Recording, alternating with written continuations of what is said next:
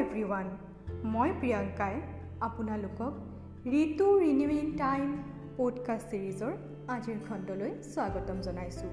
মই এগৰাকী উন্নয়ন কৰ্মী আৰু অৰি কালাংকিনীৰ থাৰ্টিন উইক ফেল'শ্বিপ প্ৰগ্ৰামৰ এগৰাকী ফেল' এই ফেল'শ্বিপত তেৰ সপ্তাহৰ বাবে বিভিন্ন পৰিৱৰ্তনকাৰী তেৰটা মাইক্ৰ' এডভকেচি প্ৰজেক্টত যুক্ত হয়। আমি বিভিন্ন ঠাইৰ পৰা অহা কিছু প্ৰাণশীল ব্যক্তিক লগ পাওঁ। আৰু সকলোৱে একজোট হৈ নিজৰ কৌশল বৃদ্ধিৰ লগতে সামাজিক পৰিৱৰ্তনৰ এক প্ৰয়াসত লিপ্ত হওঁ। এই পডকাষ্ট ছিৰিজ প্ৰতিজন ব্যক্তি বিশেষকৈ আমাৰ কিশোৰ কিশোৰীৰ মাজত গঠনাত্মক চিন্তাধাৰা উদ্ৰেক কৰাৰ এক প্ৰয়াস। আমি আপোনালোকৰ মাজলৈ এনে কিছু বিষয় লৈ আহিম যিবোৰ সাধাৰণতে চৰ্চা কৰা নহয় আৰু এই চৰ্চাৰ যোগেদি আপোনালোকক কিছু প্ৰশ্নৰ সৈতে ৰিজাবলৈ চেষ্টা কৰিম।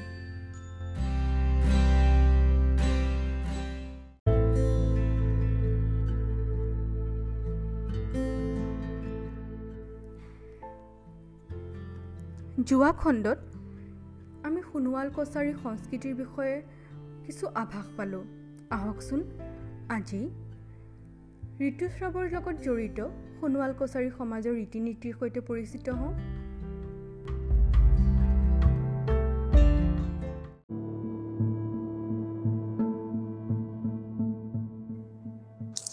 ধন্যবাদ। আৰু এতিয়া আপোনাৰ পৰা জানিব বিচাৰিম যে মাহেকীয়া ঋতুস্ৰাৱ বা তুলনি বিয়াৰ সৈতে জড়িত সোণোৱাল কছাৰীৰ মাজত কি ধৰণৰ ৰীতি নীতি প্ৰচলিত আছে? প্ৰিয়ংকা আমাৰ সোণোৱাল সমাজত তুলনি বিয়া নোৱাই তুলনি বিয়া বুলি সাধাৰণতে জনা হয়। দেখা যায় যে বয়স হোৱাৰ লগে লগে যেতিয়া ছোৱালী এগৰাকীৰ প্ৰথম মাহেকীয়া আৰম্ভ হয় আমাৰ সমাজখনত সাধাৰণতে নানা ধৰণৰ নীতি নিয়ম পালন কৰা হয়। আৰম্ভণিতে যেতিয়া ঘৰখনত ছোৱালী এগৰাকী পুষ্পিতা হ'ল বুলি বা প্ৰথম বাৰৰ বাবে মাহেকীয়া হ'ল বুলি ঘৰখনত গম পোৱা হয়। ঘৰৰ মহিলাসকলে আমন্ত্ৰণ কৰি অনা দুই তিনিগৰাকী বৃদ্ধা বা মহিলা আৰু গাভৰুৰ সৈতে লগ লাগি এযোৰ তামোল পাণ আৰু এগচি বন্তি জ্বলাই ছোৱালীগৰাকীক আন পুৰুষে নেদেখাকৈ চুকত ৰখা হয়। আৰু বিধিমতে ক্ষণ কি যুগ পৰিছে নক্ষত্ৰ দিন বাৰ বিয়া ন দিনীয়া নে এঘাৰ দিনীয়া পোন্ধৰ দিনীয়া আদি সকলোবোৰ দান দক্ষিণাৰ বিধান দিয়ে বা ব্ৰত থাকিবলৈও পৰামৰ্শ দিয়ে। তাৰোপৰি চুকত সোমোৱাৰ তিনিদিনৰ দিনা কইনাৰ মূৰত তেল দিয়া হয় আৰু চুকত থকা সেই সময়ছোৱাত ছোৱালীগৰাকীয়ে নিয়মমতে ফলাহাৰ গ্ৰহণ কৰে। চাৰিদিনৰ দিনা ছোৱালীগৰাকীক গা ধোৱা হয় আৰু চাৰিদিনৰ দিনাৰ পৰা তাই এসাঁজ ভাত খাই থাকিব লাগে।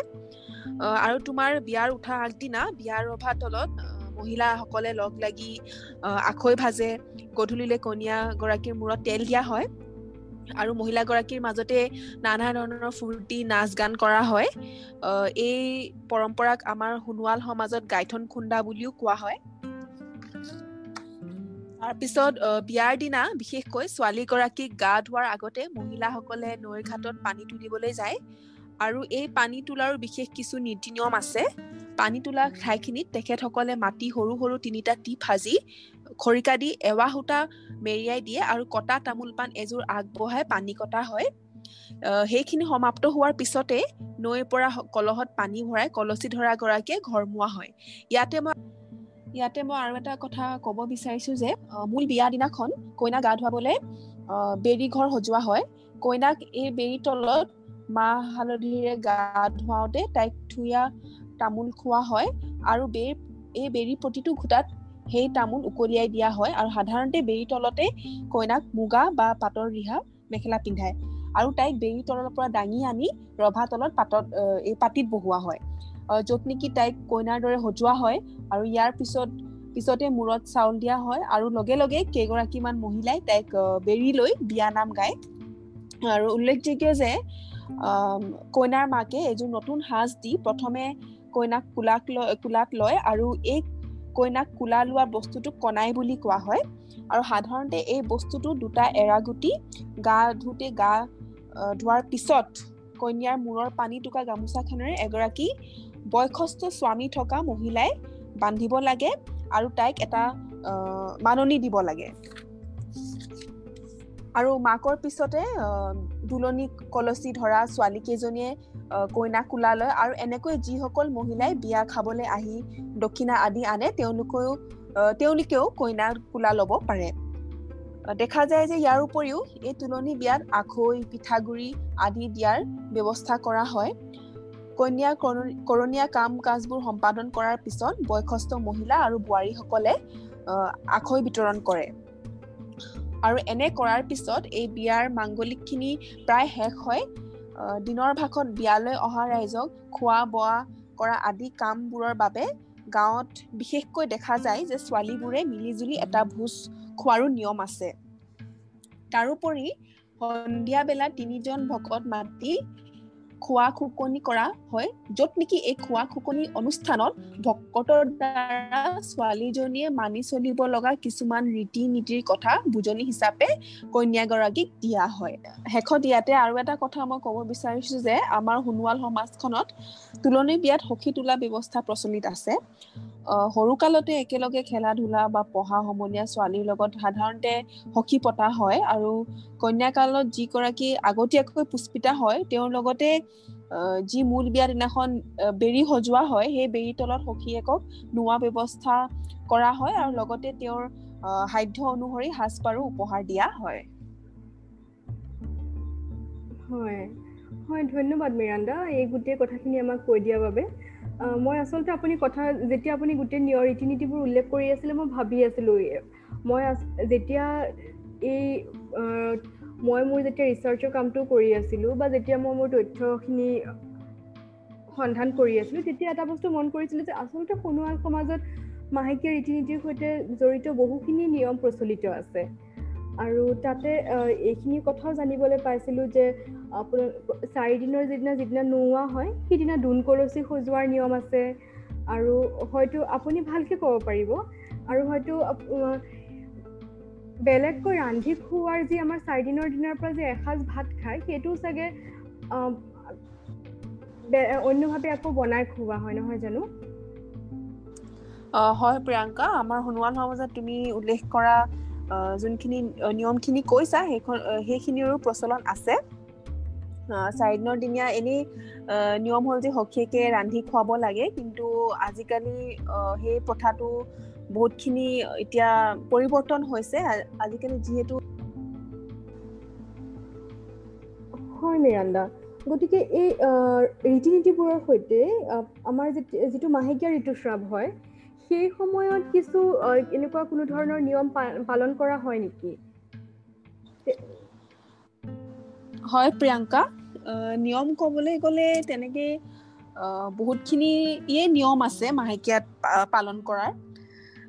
কিন্তু সাধাৰণতে যিবোৰ নিয়ম আমি মনা হয় সেইবোৰৰ মাজত কিছুমান উল্লেখযোগ্য হৈছে যে প্ৰথমতেতো তিনিদিনত আমি সাধাৰণতে চোৱা পেলাওঁ। তিনিদিনৰ দিনা আমি ঘৰৰ কাপোৰবোৰ বা আমি ব্যৱহাৰ কৰা কাপোৰবোৰ যেনে বিচনা চাদৰ গাৰু কভাৰ ইত্যাদিবোৰ ধুই দিওঁ। আৰু আৰু সাধাৰণতে মাহেকীয়া হোৱা হৈ থকা অৱস্থাত ছোৱালী ছোৱালীগৰাকীক বেলেগকৈ শুবলৈ দিয়া হয়। তিনিদিনলৈকে নিয়মমতে আমি পাকঘৰত নুসুমাওঁ আৰু ৰন্ধা বঢ়াৰ পৰাও বিৰত থকা হয়। আৰু মাহেকীয়া হোৱা কেইদিন আমি গোসাঁই ঘৰতো নুসুমাওঁ। বাৰু এই নিয়মবোৰ আগৰ পৰাই এনেদৰে চলি আহিছে নে সময়ৰ সৈতে কোনো ধৰণৰ পৰিৱৰ্তন হৈছে নিয়মবোৰত? হয় প্ৰিয়ংকা। বৰ্তমান বৰ্তমান বহুখিনি পৰিৱৰ্তন হোৱা দেখা গৈছে প্ৰিয়ংকা। ইয়াৰ বাবে মই ভাবোঁ বিভিন্ন কাৰণ আছে। প্ৰথমটো হ'ল আমাৰ পৰিৱেশ। সাধাৰণতে গাঁৱত যোনবোৰ নীতি নিয়ম আছে তুলনি বিয়াৰ ক্ষেত্ৰতে উদাহৰণস্বৰূপে তাৰে আমি তাৰে বহুতখিনি আমি কম্পেৰেটিভলি আজিৰ দিনত টাউনত দেখিব নাপাওঁ। হয়। আৰু হয়তো মানে আপুনি যিদৰে পৰিৱেশৰ কথা ক'লে লগতে আমাৰ চাগে আমাৰ ওচৰ চুবুৰীয়াত বা আমি কোন কাৰ সৈতে বাস কৰি আছো যেনেকে আমাৰ যদি আমি যদি অন্য সম্প্ৰদায় বা বিভিন্ন সম্প্ৰদায়ৰ মানুহ যদি একেলগে এটা এখন সমাজত বাস কৰোঁ তেতিয়াহ'লে ইজনে সিজনৰ পৰাও প্ৰভাৱিত হৈ চাগে আমাৰ নিয়মবোৰত বহু পৰিৱৰ্তন আহে। নহয় জানো? হয় হয় প্ৰিয়ংকা। যিহেতু আমি টাউনত বিভিন্ন সম্প্ৰদায়ৰ লগত মিলিজুলি থাকিব লগা হয়। নিশ্চয়কৈ আমি তেখেতসকলৰ নিয়ম নীতিৰ পৰাও প্ৰভাৱিত হওঁ তেওঁলোকেও আমাৰ নিয়ম নীতি সংস্কৃতিৰ পৰা প্ৰভাৱিত হোৱা বহুতখিনি দেখা যোৱা হয়।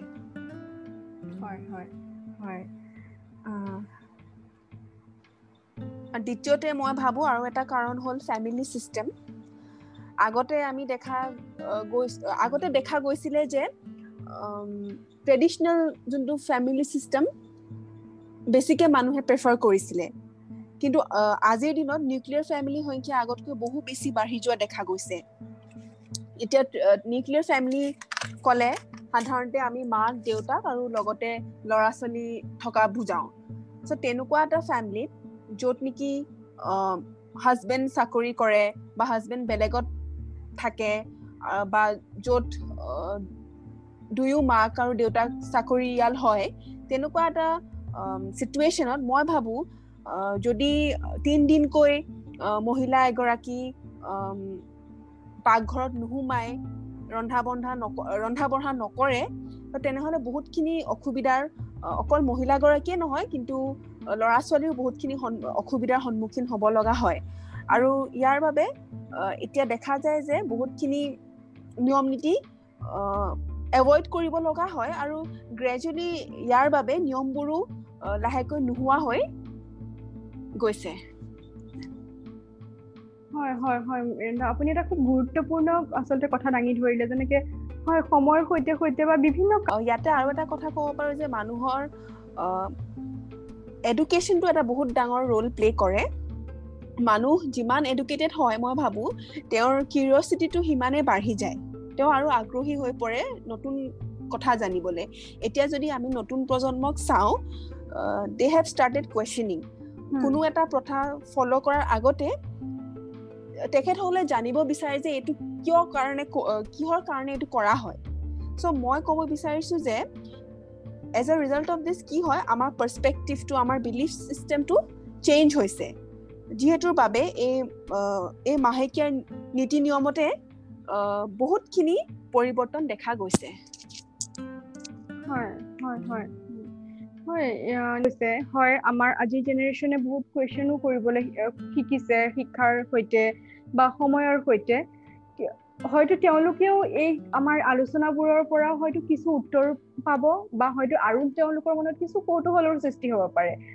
আৰু কৌতূহল থাকিলে হয়তো তেওঁলোকে আৰু তাৰ বিষয়ে জানিবলৈও চেষ্টা কৰিব।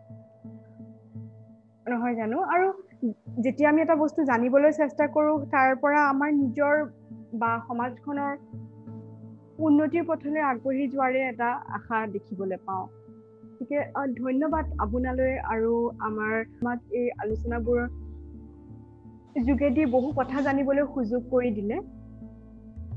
ধন্যবাদ। ধন্যবাদ প্ৰিয়ংকা।